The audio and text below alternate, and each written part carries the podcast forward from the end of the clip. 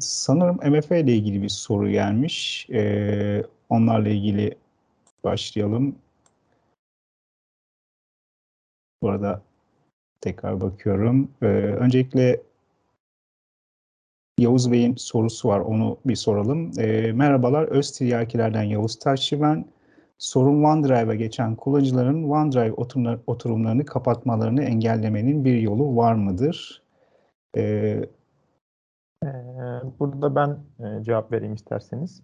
Ee, OneDrive tarafında e, grup polisi veya da işte kullanılıyorsa endpoint manager kullanılıyorsa ortamda endpoint manager ile birlikte ya da e, lokal bir Active Directory varsa e, grup polisilerle OneDrive'ın e, kendine özel grup polisileriyle e, bu tarz kullanıcıların OneDrive'a etki etmeleri yani aslında şöyle OneDrive'ın grup polisi EDMX e, politikaları neye etki ediyorsa e, onları kontrol edebiliyoruz ve bunların içerisinde işte oturumu kapatmaları, kullanıcıların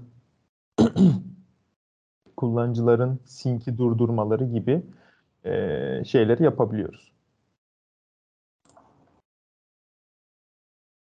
Peki, teşekkürler Taha. Ee, başka sorumuz var mıdır? Tekrar chat ekranı bir kontrol edelim.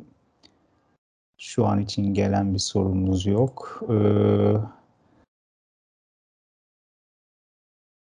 sanırım Murat Bey'in bir sorusu var. Bir bakalım. Selamlar. Selamlar. Buyurun Murat ee, Bey. Şimdi benim OneDrive ile ilgili bir sorum var. Daha doğrusu bir iki tane sorum var aslında. Birinci sorum şu. E, OneDrive'ın bir config e, 365 config ekranında bir sync status diye bir yapıyı e, preview moda aldı. E, bu mod ne zaman aktif olur onunla ilgili bilginiz var mı? Birinci sorum. İkinci sorum da şu. OneDrive'da e, normalde retention polisilerde şöyle bir şey yapılabiliyor. İşte bir kullanıcı çok sayıda dosyayı sildiğinde sistemin yöneten admin arkadaşa bir notification maili gitsin. E, admin arkadaşı uyarsın hani birisi iyi ya da kötü bir şekilde dosya sildiği için. Ben bu polisinin e, tam tersini kullanmak istiyorum aslında. E, sync'leri takip edebilmek için. Yani şunu soruyorum. E, bir kullanıcının bilgisayarı 3 ya da 5 gün süreyle sync yapmadığında e, bunu toplu olarak notification mail olarak alabiliyor muyum? Böyle bir polisi yazılabiliyor mu? Ee, buna da ben isterseniz cevap vereyim. Ee, Alert Center'da e, 365'in Alert Center'ında e, özel politikalar yazabiliyoruz ama şimdi OneDrive'ın Sync dediğiniz e, menüsü daha doğrusu dediğiniz gibi Preview modda daha yeni geldi. Preview modlar yaklaşık e, işte bir test e, durumuna tabi tutuluyor 365 Microsoft e, ortamında. Bu test test süreçleri yaklaşık yani 2 ile 4 hafta yani aslında bir ay kadar düşünebiliriz. Bir ay kadar sürüyor diye düşünebiliriz. Belki bir ay kadar sonra e, OneDrive Sync error'lar hayatımıza girecektir 365 portalda. E, kullanıcı sync yapmadığında yani şimdi şöyle e, bu bir ay sonrasında da e, oraya bir menü geldiği için otomatikman e, Alert Center'daki e, alert üreteceğimiz politikalar da değişecektir. Oradaki alert statülerinde eğer işte e, sync e, durumu ile ilgili bir alert yazabiliyorsak e, açıkçası yeni bir konu olduğu için de e, çok bir fikrim yok ama bakmak gerekir. Bakıp size dönebiliriz bununla ilgili.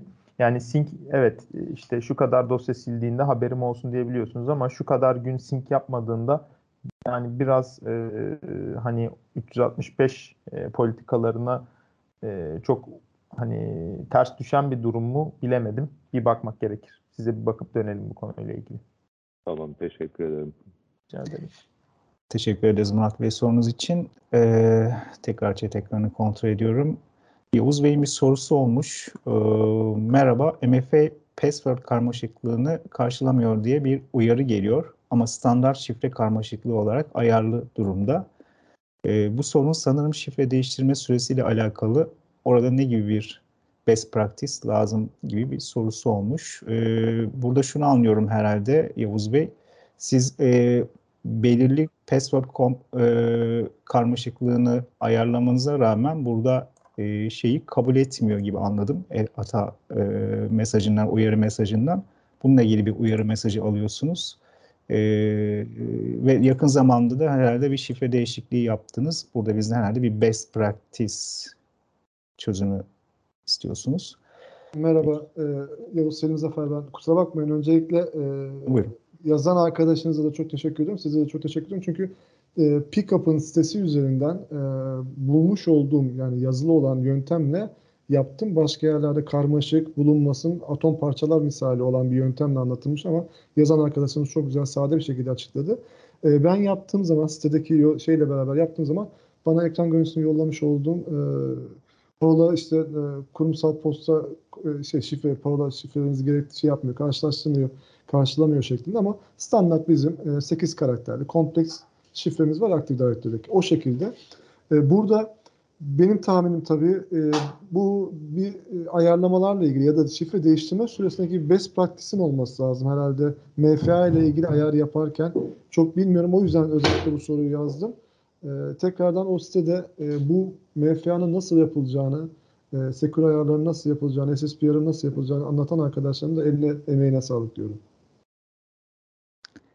Peki biz, biz teşekkür ederiz Yavuz Bey. Ee, bu noktada e, eklemek istedikleri olan olursa arkadaşlar ila, e, ilave edebilirsiniz. E, bu taraftaki e, parola e, ilkeleriyle alakalı e, bilgilendirme yapabiliriz bizim tarafta da. Merhabalar, bu sefer de ben destek olmaya çalışayım. Ee, o tarafta parola ilkesini oluşturduğunuz tarafları bir incelememiz gerekiyor ilk öncelikle. İşte 8 karakter dediniz ama kaç günde bir parola değiştirilebiliyor? Eski parolayı ne kadar tutuyor? Şu an görebildiğim kadarıyla hatada net bir şey yok. Gereksinimlerini karşılamıyor diyor sadece. Aynı gün içinde değiştirme yapıyorsanız ya da orada bir sınır belirtildiyse problem bundan da kaynaklanabilir. Bir kuralı tekrar detaylı bir şekilde incelemek gerekir. E, Best practice olarak orada e, bir gün içinde de yani sizin şirketinizin aslında e, kuralları geçerli. Siz bir günde değiştirmeye de izin verebilirsiniz ya da beş gün boyunca aynı parola kalsın sonrasında değiştirmeye izin verebilirsiniz. Burası tamamen flexible, herkese göre değişen bir durumda. E, isterseniz Polisinin detaylarını da gönderirseniz bir de o tarafı inceleyebiliriz. Sadece bu ekrandan e, kitleyen kullanıcılarımız olabiliyor. Parolalarını kitleyen kullanıcılarınız işte yarım saat sonra unlock olabiliyor ya da self servis olarak unlock'ı kaldırma gibi de işlem yaptırabilirsiniz. Direkt parola değiştirmeye yönlendirmeyebilirsiniz. Orada çok çeşitli varyasyonlar e, oluşturulabiliyor. İşte direkt parolayı değiştirmeye değil de e, unlock'ı kaldırmak için size bir case gelebilir. E, ama parolayı değiştirmek istiyorsanız da orada süreyi bir güne ayarlamamız gerekiyor ya da sıfır yapılacak. Sürekli parola değişikliğine izin vereceksiniz. O polisinin görselini atarsanız biraz daha detaylı görüşebiliriz isterseniz. Teşekkür ediyorum. Biz teşekkür ederiz e, Rıza. E, Mert Bey'in bir sorusu var. Mert Sandık. E, onu okuyorum. Selamlar. Teams üzerinden oluşturulan ekibe vardiya tanımladığımız zaman sadece o gün vardiyası olan kişiye bildirimlerin gitmesi gibi bir seçenek var mı? Ekipte olan herkese değil de o gün vardiya kime tanımı ise bildirimlerin sadece ona iletilmesi gibi e, diye bir sorusu var. Burada Teams tarafında bir sorusu olmuş Mert Ben Bey'in. Ben yanıtlayayım. Teşekkür ederim. Ee, Mert Bey merhabalar öncelikle. Hoş geldiniz. Ee, şöyle ki dediğiniz doğru. Ee, bir vardiya ataması yapıldığında genelde o ekibin içerisindeki herkese bir mail bildirimi gidiyor. Normalde ya şu anda uygulama e, çok kapsamlı, çok detaylı bir uygulama değil. Sadece vardiya atamak üzerine ve herkese vardiyalarını bildirmek üzere. Ancak e, dediğiniz gibi bir işlem şimdilik yapılamıyor. Şöyle yapabiliriz ama hani belki bildirimleri kapatıp Power Automate'le bazı kurallar yazabilirsiniz. Ben soruyu görünce e, küçük bir tane size göndermek istedim. Şöyle belki daha farklı kişiler de yararlanır diye buranın chatinden gönderiyorum. Bir shift yaratıldığında, e, shift'in içeriği değiştirildiğinde veya işte silindiğinde vesaire kişilere bildirim gidiyor olması ile ilgili bir Power Automate rule'u yazabiliyorsunuz. Ee, ancak dediğim gibi hani şu anda çok kapsamlı, çok detaylı bir ürün olmadığı için e, dediğiniz gibi bir işlem yapılamıyor. Ben yine ama update'lere bakarım ve size geri dönüyor olurum biraz sonra. Teşekkür ederim. Biz teşekkür ederiz Hande. Ee, peki. Sanırım e, cevaplarımız yeterli olmuştur. Ama hani bu noktada bizlerle ilgili e, konularla ilgili sizlere tekrar geri dönüş yapıyor olacağız. Araştırıp e, bu noktada biz notlarımızı alıyoruz. Chat ekranında yazmış olduğunuz tüm soruların notlarını ayrıca e, biz de bakıyoruz sonradan. E, farklı bir soru varsa Bu chat ekranınızdan arada Yavuz Selim Bey password polisi görüntüsünü gönderdi. Lokal Active Directory'deki evet doğru. Bir de Azure tarafında neler var? Oraya orayı da görmek gerekir. Lokal Active Directory'de bir problem gözükmüyor ama ilk gönderdiğiniz ekran sanki Cloud tarafında parola değişikliği yapılırken hesabınızı geri alın ekranı gibi geldi. Ee, o tarafı da bir kontrol edersek daha net olacaktır. Azure tarafındaki Bey, Yapmayın. O taraftaki polisiye bakarsak. Yavuz Bey sanırım eee, bir şey dediniz ama duyamadık tam olarak. Doğru. e, Zaten Writeback açık. E, lokalde bir DC'miz var. Cloud'da bir e, Azure'umuz var. Azure'la SSPR için zaten Writeback'i de açtık orada eşleştirme esnasında. Ben o şeyi de göndermeye çalışayım size. E, onu da gönderdikten sonra ama yani benim yapmış olduğum araştırmalarda tabii ki sizler daha biliyorsunuz. E, şifre password tarafındaki bir sıkıntıyla alakalı olarak gözüküyor diye görünüyor. E, bunun üzerinden bir test edeceğim. E, şeyde Azure tarafındaki ayarda bulunca size tekrar gerisini geri yollayayım ama şu an zaten writeback açık. Dolayısıyla lokalden yapıyor işlemi. Yani lokaldeki şifre polisim neyse ona göre kompleksliği sağlamak durumunda. E, ben bulunca da onu size yollayacağım birazdan. Tamam, siz gönderin. Ee, oradaki kurallara göre biz de kendi e, demo ortamımızda aynı kuralları uygulayıp e, nasıl bir aksiyon aldığını size dönüş yapabiliriz. Şu an hani e, olması gereken bir durum olmuyor. Bir yerde bir hatası var. Belki Azure tarafındaki bir polisi kuralı eziyordur, başka bir işlem yapıyordur. O tarafı detaylı bir şekilde kendi demo ortamımızda aynı kurallarla yapıp e, şurada hata var diye size dönüş yapabiliriz.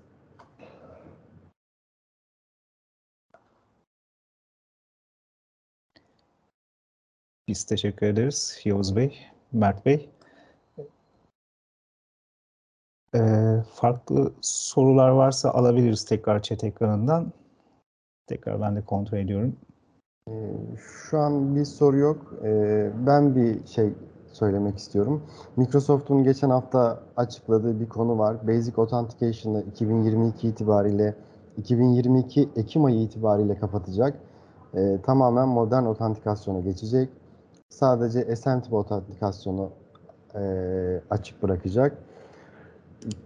2021'in yani bu Ekim ayı itibariyle de bazı pardon bazı tenantlarda geçici olarak basic otantikasyonu devre dışı bırakmaya başlayacak. 48 saatlik, 24 saatlik sürelerde e, basic otantikasyon devre dışı kalacak. Bu rastgele tenantlarda olacak. E, problem yaşandığında 365'teki e, support bölümünden basic otantikasyonu açılması istendiğinde daha hızlı bir şekilde açılacak. Burada e, problem yaşamamanız için tüm kullanıcılarınızda, cihazlarınızda modern otantikasyona geçmeniz gerekecek. Azure e, AD Connect 2.0'a geçip artık yeni nesil otantikasyonu kullanmanız gerekecek. E, önümüzde bir yıl var. Bu süre zarfında da problem yaşamamanız için hızlı bir şekilde aksiyon alınması gerekiyor. Bunu da buradan bilgilendirmiş olayım. Ee, teşekkürler Rıza. Bu arada yeri gelmişken ben de e, Azure Site Recovery tarafında e, bir hatırlatma yapayım. E, Azure Site Recovery hizmetini kullanan müşterilerimiz için e, önemli bir bu update olabilir. E, TLS 1.0 ve 1.1 artık 15 Kasım itibariyle support edilmeyecek bu tarafta da. E, Azure, Azure Site Recovery hizmetini kes, kesintisiz kullanabilmek için e, bu agent'ı kullanan tüm kaynakların e, TLS 1.2 ve üstü versiyonu kullanıyor olması gerekiyor. Bu 15 Kasım itibariyle de böyle bir değişiklik olacak yakın tarih içerisinde. Bu hatırlatmamızı da yapalım. Ee, hazır e, konu biraz daha güvenlik tarafına gelmişken e, özellikle güvenlik tarafında bizlere farklı kanallardan da çok soru geliyor. Müşterilerimiz farklı kanallardan da bu soruları bizlere soruyor. Ee, özellikle 365 ve e, Azure'daki kaynak ve hizmetlerinin güvenliğini nasıl arttırabiliriz gibi bizden e, bu noktada e, güvenlik özellikleriyle ilgili bilgi talep eden müşterilerimiz oldu. Ee, özellikle Endpoint, DLP, ayıp ve Helcheck tarafında müşterilerimize neler anlatabiliriz? Bu noktada hangi tavsiyelerde bulunabiliriz? Ee, bu konuyla ilgili dilerseniz e, kısa bir bilgilendirme yapalım. Ee, ben bu noktada sözü Taha'ya bırakayım. Ee, Taha bizleri bilgilendirsin. Teşekkür ederim e, Alper Bey.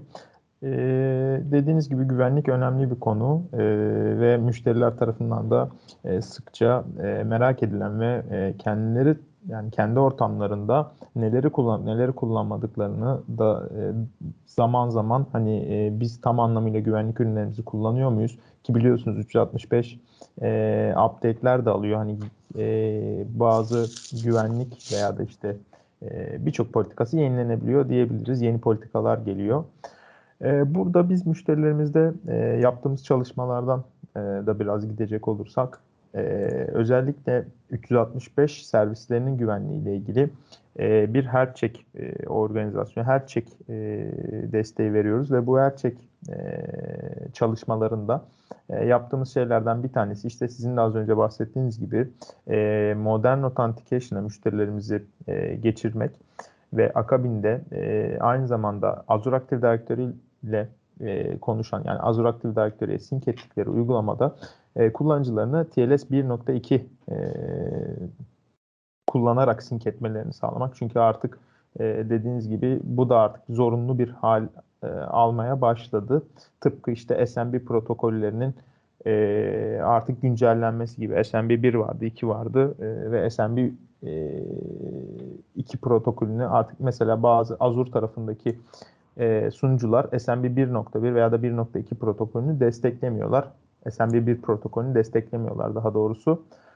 E, burada bunun dışında e, müşterilerimizde Modern Authentication akabinde e, güvenlik, DECIM, DMARC gibi e, kayıtlarının ardından da e, anti-malware, anti-phishing politikalarının gözden geçirilmesi ve kuruma özel e, burada politikaların dağıtılması tarafında e, destek oluyoruz.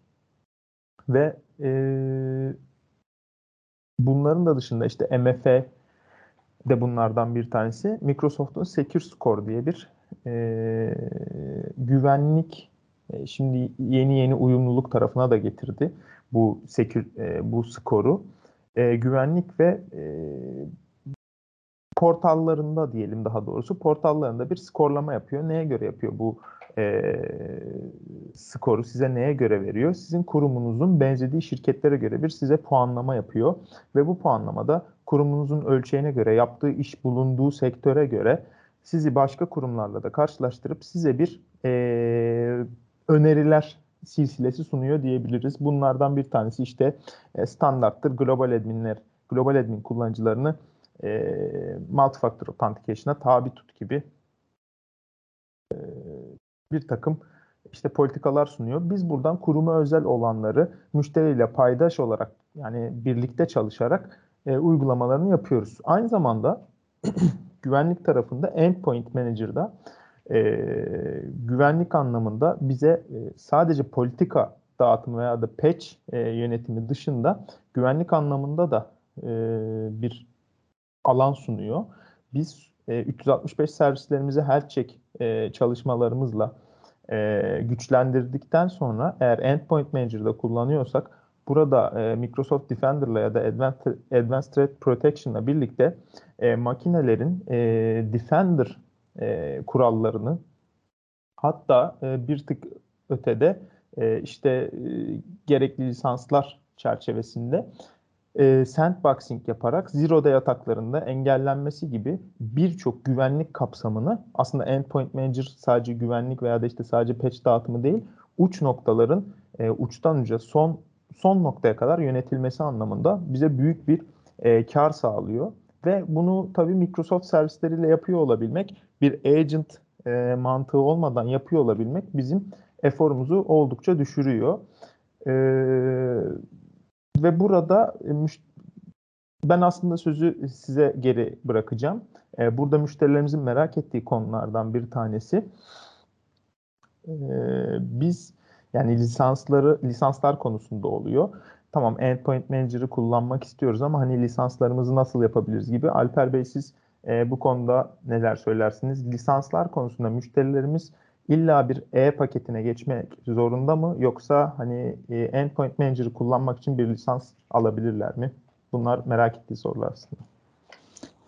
Taha teşekkür ederim. Şimdi e, evet Endpoint Manager için e, belli bir güvenlik paketlerini e, sahip olmak gerekiyor. Yani sizin e, business paketleri paketleriyle bu özellikler gelmiyor. E, 365 tarafındaki temel e, ürünler e, işte DLP tarafındaki temel ya da AIP tarafındaki temel ya da Azure Active Directory tarafındaki temel özellikler destekleniyor. Özellikle Business ve 365'in temel paketlerinde. Ama e, gelişmiş enterprise e, özelliklerini kullanabilmek için işte bunların Azure Active Directory Plan 1, Plan 2 ya da Enterprise Mobile Security'nin içerisinde yer alan e, IP'in Plan 1 ve Plan 2'sini kullanabilmek için Intune e, bu da buna dahil MDM tarafındaki çözüm. E, EMS dediğimiz paketlere ya da e, e, Office 365'in E5 paketine, M365'in E5 paketine ya da E3 paketine sahip olmak gerekiyor. Enterprise Mobile Security E3 ve E5 arasındaki temel farklılıklar e, aslında E3 tamamen Plan 1 e, paketlere sahipken Plan 2, e, E5 paketinde de Plan 2 özellikleri yer almakta. E, Azure Active Directory ve Azure Information Protection olarak konuşursak her iki pakette de Intune mevcut. E, ekstradan e, E5 paketinde e, Cloud App Security geliyor. Yani burada Microsoft haricindeki diğer Office 365 kanallarında e, güvenliğini bir şekilde E5 paketiyle sağlamış oluyorsunuz Cloud, e, Cloud App Security ile. E, bu noktada biz yaptığımız çalışmalarda tabii ki e, müşterilerimizin mevcut lisanslarına göre e, bir check çalışması yapıyoruz ama e, bu noktada da e, gerekiyorsa diğer özellikleri devreye almak için işte bir MDM yönetimi için de a, ayrı bir EMS paketine yönlendirebiliyoruz. E, paketler arasındaki farklılıklarla alakalı gerekirse bize sorudan da ulaşabilirsiniz. Bu noktada tekrar bilgilendirmesini lisanslama tarafında da sağlıyor olur sizlere. E, lisanslama tarafında aktaracaklarım benim şimdilik bu kadar ama ekstra sorularınız olursa yine kanal e, chat ekranından bizlere sorabilirsiniz. Yine lisanslama tarafında. Çünkü o tarafta da e, bazı değişiklikler söz konusu olacak. Erdinç Bey de belki bu konuda bizlere bir bilgilendirme yapabilir. E, yakın zaman içerisinde Microsoft tarafında bu tarz lisanslama değişiklikleri olacaksa bizlere belki bu konuyla ilgili update verebilir diyelim. Erdinç Bey sizin eklemek istedikleriniz tamam. olursa. Evet ben de çok kısa bir ekleme yapayım. Biliyorsunuz e, 2022 Ocak itibariyle Volume Lisans Center kapanıyor. E, Mart ayı itibariyle de Open Lisans satışları bitiyor. Artık birçok süreç CSP'ye taşınıyor. E, global ölçekte Enterprise Agreement anlaşmaları bile yavaş yavaş CSP anlaşmalarına dönüştürülecek. Çünkü vizyon bu yönde gidiyor. Yani birçok anlaşma artık kullandığınız kadar öde metoduyla alınacak. Bunların içerisine hem on-premise lisanslar hem de cloud lisansları dahil olacak. O yüzden globalin bakış açısı bu. Ee, siz de yakın zamanda lisanslama ile ilgili bir yatırım yapacaksanız bunu göz önünde bulundurmanızı e, isterim. E, çünkü bu yönde her şey değişecek. E, CSP lisansının kapsamı genişledi.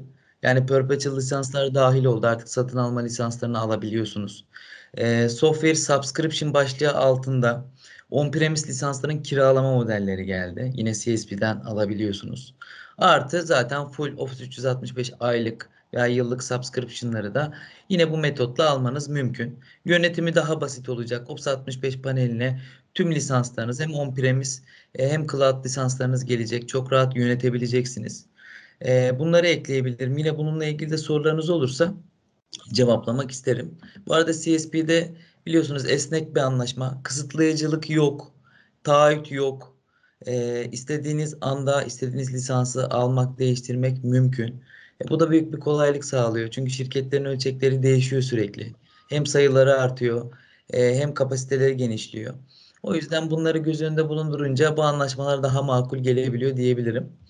E, bunları eklemek istedim ben de. Teşekkür ederim Alper sözü sana tekrardan bırakayım. Bizler de teşekkür ederiz. Ee, bu arada tekrar chat ekranını kontrol ediyorum. Bir, bir sorumuz gelmiş Murat Bey'den, Murat Team Bey'den. Ee, onu iletiyorum. Ee, WhatsApp API Teams entegrasyonu konusunda bir çalışmanız oldu mu? Süreçle ilgili bilgi verebilir misiniz? Ee, diye bir soru sormuş kendileri. Bu noktada Murat da Bey, ben yanıtlayayım. Ee, Murat Bey, WhatsApp API ile Teams'in entegrasyonuna tam olarak neden ihtiyacınız var? Ya da yani böyle bir çalışma yapmak istiyorsunuz. Yani normalde yapmadık bu arada böyle bir çalışma. Hani önce sorunuza yanıt vermiş olayım. Ee, ancak hani normalde zaten tamamen kurumsal amaçlı, kurumsal iletişim amaçlı kullanıyoruz ya Teams'i. Ee, orada WhatsApp'tan kurtarmaya çalışıyoruz birazcık da e, hem güvenlik sebebiyle e, kullanıcıları hem onların yönetimi hem e, veri güvenliği hem de işte farklı biliyorsunuz zaten sizde çalışıyoruz. E, üretkenlik ve verimlilik nedeniyle de Teams'e geçiş yapmaya çalışıyoruz. Hani o WhatsApp ihtiyacının neden olduğunu öğrenebilirsem belki farklı bir şeye yönlendirebilirim. Entegrasyon tarafında entegra, e, entegrasyon yaptığımız e, ürünlerimiz var. Özellikle biliyorsunuz kendi internet ürünümüz de aynı şekilde entegre veya işte e, santral entegrasyonu gibi çalışmalar yapabiliyoruz. Teams'in e, normal bir santral gibi kullanılmasını sağlamak veya santralinizin yanında kullanılmasını sağlamak amacıyla. Ancak WhatsApp e, API gibi bir çalışma daha öncesinde gerçekleştirmedik diyebilirim. Ama ihtiyacınızı anlayabilirsem belki farklı bir çözüm bulmaya çalışayım. Yani şöyle e, yurt içinde ve yurt dışında kullanacağımız iki telefon numarası üzerine e, gelen talepleri, mesajları karşılayarak bunu Teams üzerinden yönetmek gibi bir aslında bir e, öneri geldi. E, biraz araştırınca da WhatsApp API ile Teams arasında böyle bir entegrasyon kurulabildiği, işte e, telefon hattına gelen e, WhatsApp mesajlarının Teams'e aktarılabildiği, yine aynı şekilde e, Teams üzerinden e, cevaplanabilme ihtimali gibi konular. Aslına baktığınızda yine e, kurumsal olarak artık biliyorsunuz e, telefon numaralarıyla beraber işte WhatsApp, Instagram gibi e, farklı kanalları da şirketler e, sosyal olarak paylaşıyor. E, böyle bir öneri gelmişti. O nedenle sordum açıkçası senden. Anladım. Teşekkür ederim. Ee, yani dediğim gibi WhatsApp'la Teams entegrasyonunu hani e, o tarz bir çalışma yapmadık ama olabildiğince Teams'in içerisinden yöneterek belki bu tarz çalışmalar olabilir. Yani aslında orada WhatsApp kullanımını direkt Teams'e aktarabilecek ne yapabiliriz? Hani Teams'i e, WhatsApp'ın içindeki mesajları Teams'e almak yerine belki direkt oradaki iletişimi nasıl Teams'den sağlayabiliriz? E, hani oradaki e, arka tarafta WhatsApp kullanan kişilerin lisansları e, olmadığı içinse eğer böyle bir durum belki farklı çözümler bulunabilir. İşte konu kullanıcılar gibi ya da işte e, dış erişimler vesaire gibi. Hani onların üzerine belki konuşabiliriz. E, hani benim yardımcı olabileceğim taraf yine Teams üzerinden olacaktır. Anladım. Yani orada aslında biraz daha şöyle bakmakta fayda var. Public olarak düşünmek lazım. Biz e, şey gibi düşünün.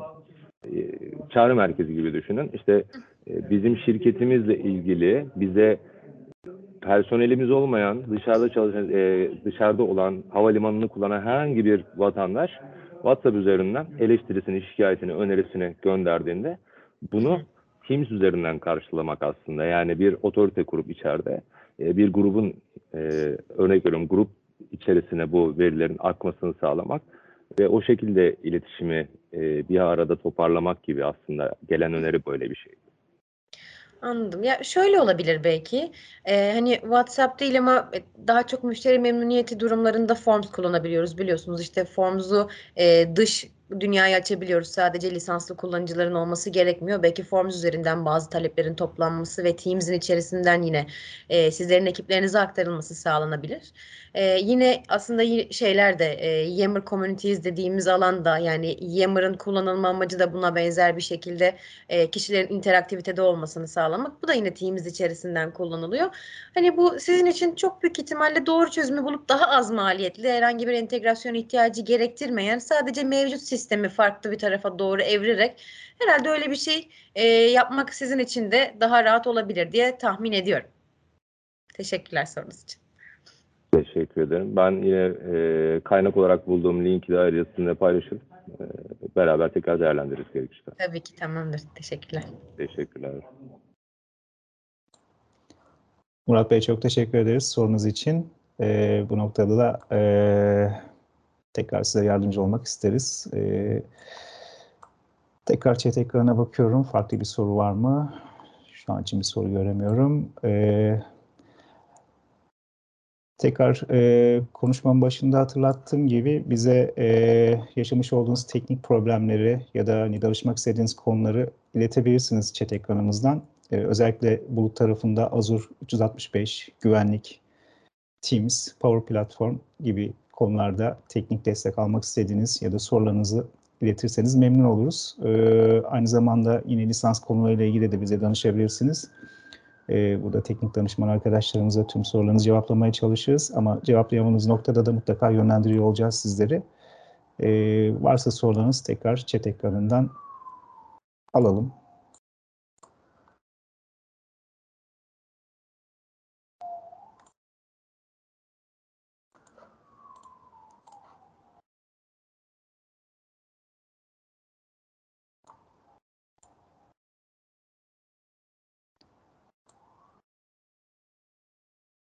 Sanırım soru yok şu an için.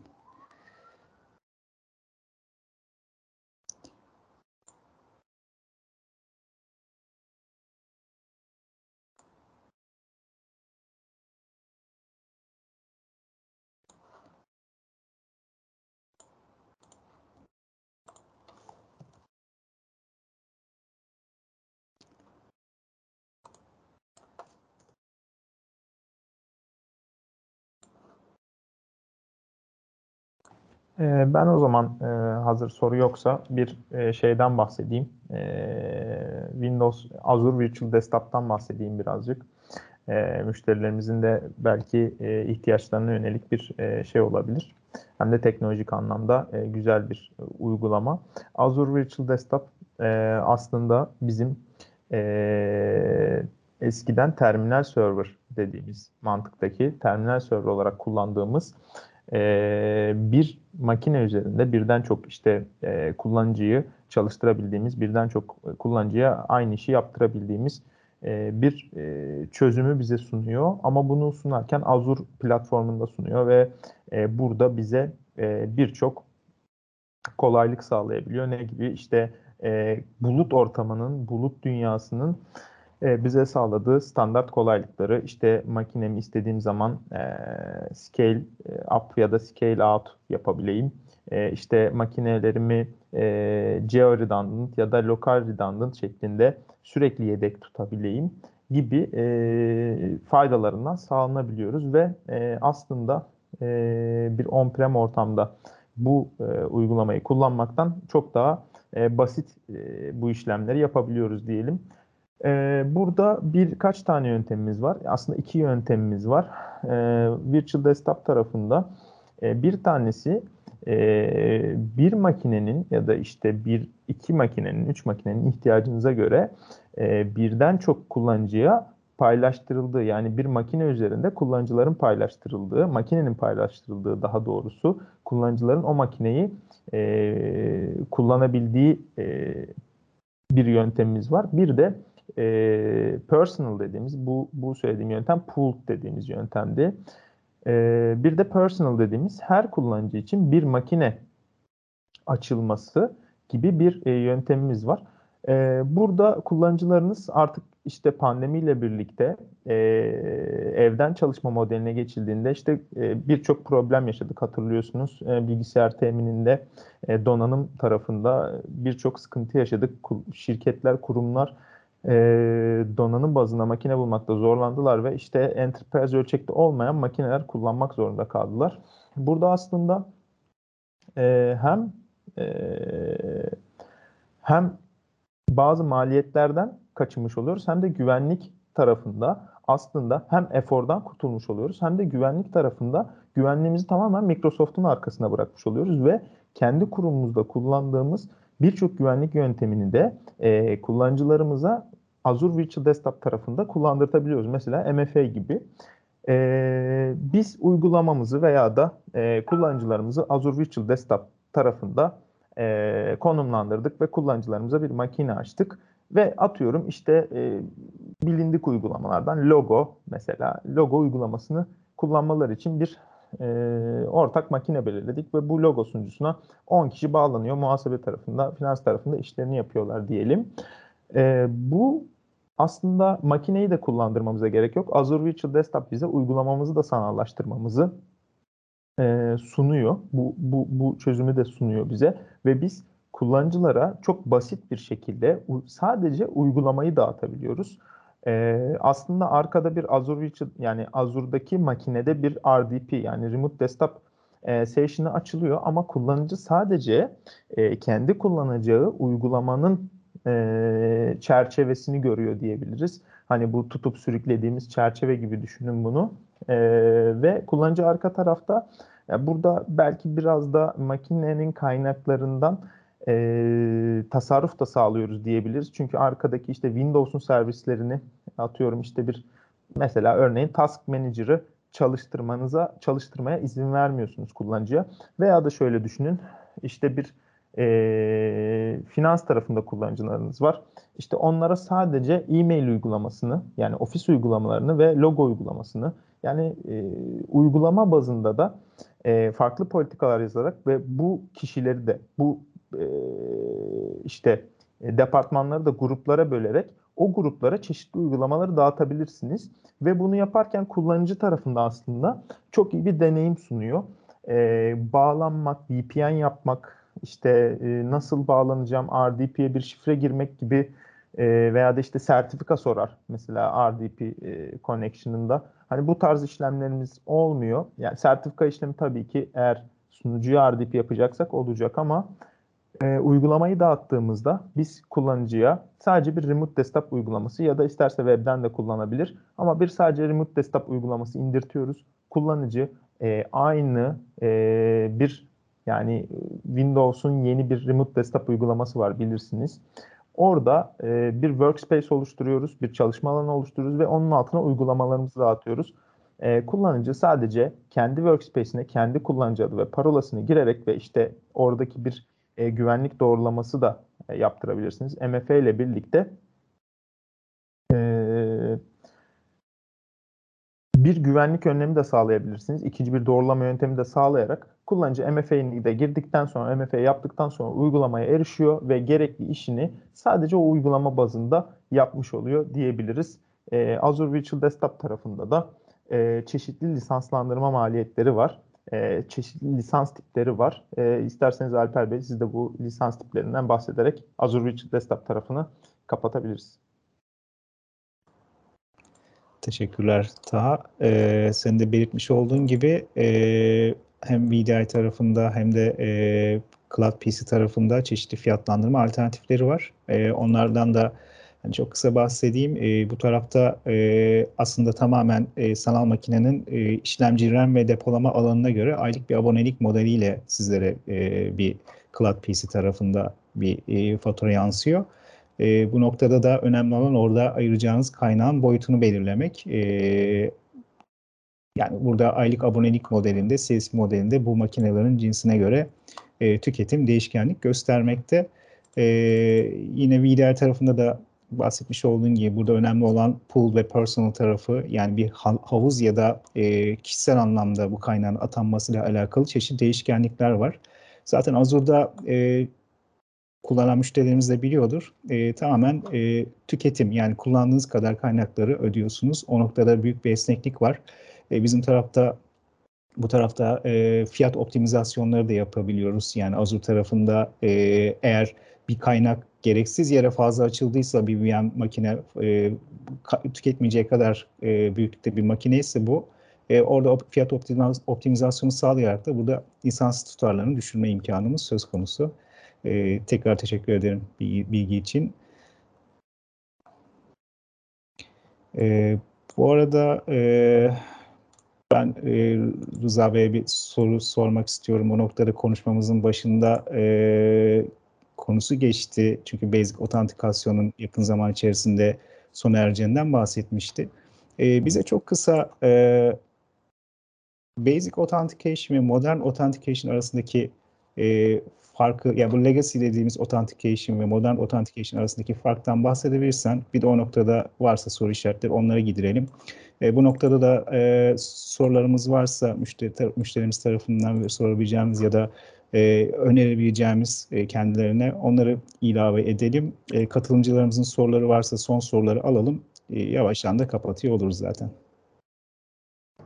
Tabii ki. E, Basic Authentication şu ana kadar kullanılan bildiğimiz e, kullanıcı adı parola doğrulama e, işlevini görüyor. E, parola hash olarak cloud'a gidiyor. Orada otantikasyon yapılıyor. Yani şu anki e, Azure AD 2.0 haricindeki Azure AD eski versiyonlarda parola hash olarak gidiyordu. Arada bu parolaya e, saldırılar düzenlendiğinde alınabilip hash encrypt edildiğinde parola ele geçirilebiliyor.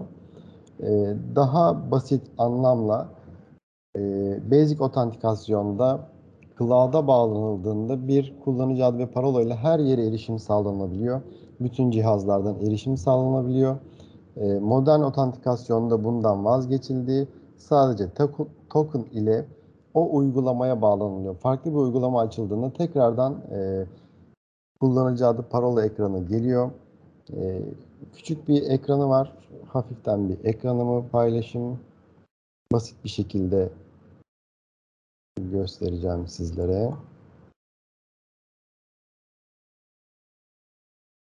Şuradan görebilirsiniz. Basic otantikasyonda her yere giriş yapılabiliyor. Ee, modern otantikasyonda sadece gidilecek alana erişim izni veriliyor. E, artı modern otantikasyonun fazlasıyla güvenlik önlemi var. Parolamız bir yere gitmiyor. Sadece tokenlardan iletişim sağlanabiliyor. E, bunun dışında MFA'den biraz bahsetmek istiyorum ben.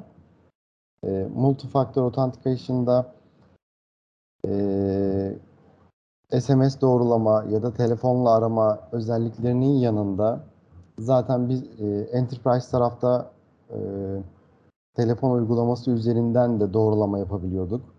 Bu artık son kullanıcı tarafına da geldi. Microsoft bunu passwordless olarak e, söylüyor. Artık password, parola kullanmıyoruz. E, otantikasyon e, Authenticator üzerinden sadece onay verdiğimizde e, giriş işlemlerini sağlayabiliyoruz. MFA'yı on-prem'de de kullanabiliyoruz. On-prem'de bir sunucu üzerine kurduğumuzda içerideki uygulamalara veya diğer yerlere erişimde de kullanabiliyoruz MFA'yı. Bunun dışında e, pandemiyle daha fazla gündeme gelen VPN'lerde içeride kullanılan firewall eğer ki uygunsa Azure ile entegre edilip MFA üzerinden VPN doğrulaması yapılabiliyor. Otantikasyon Azure'daki e, Active Directory üzerinden yapılıp e, VPN'e izin veriliyor. Burada tabii ki firewall'un e, uyumlu mu, uyumsuz mu, API'si var mı, yok mu önemli bir nokta. E, firewall tarafında bunlar bazen ekstra bir lisans bedeli olabiliyor. E, multifac- multifactor authentication açılması. Bunu Azure'la entegre ettiğimizde burayı da e, aşmış oluyoruz ve güvenli bir şekilde kullanıcıları e, MFA ile sisteme bağlayabiliyoruz. Alper sen de. Çok çok teşekkürler Rıza. Ee, bir, bir hepimiz için bilgilendirici oldu. Ee, tekrar bir chat ekranına bakıyorum. Ee, soru var mı? Sanırım e, şu an için bir soru yok. Ee, yavaştan öyleyse kapatalım e, etkinliğimizi. Ee, umarım e, hepimiz için faydalı bir etkinlik olmuştur. Ee, herkese katılımı için teşekkür ederiz. Ee, bir sonraki etkinliğimizde tekrar görüşmek üzere diyelim. Hoşçakalın.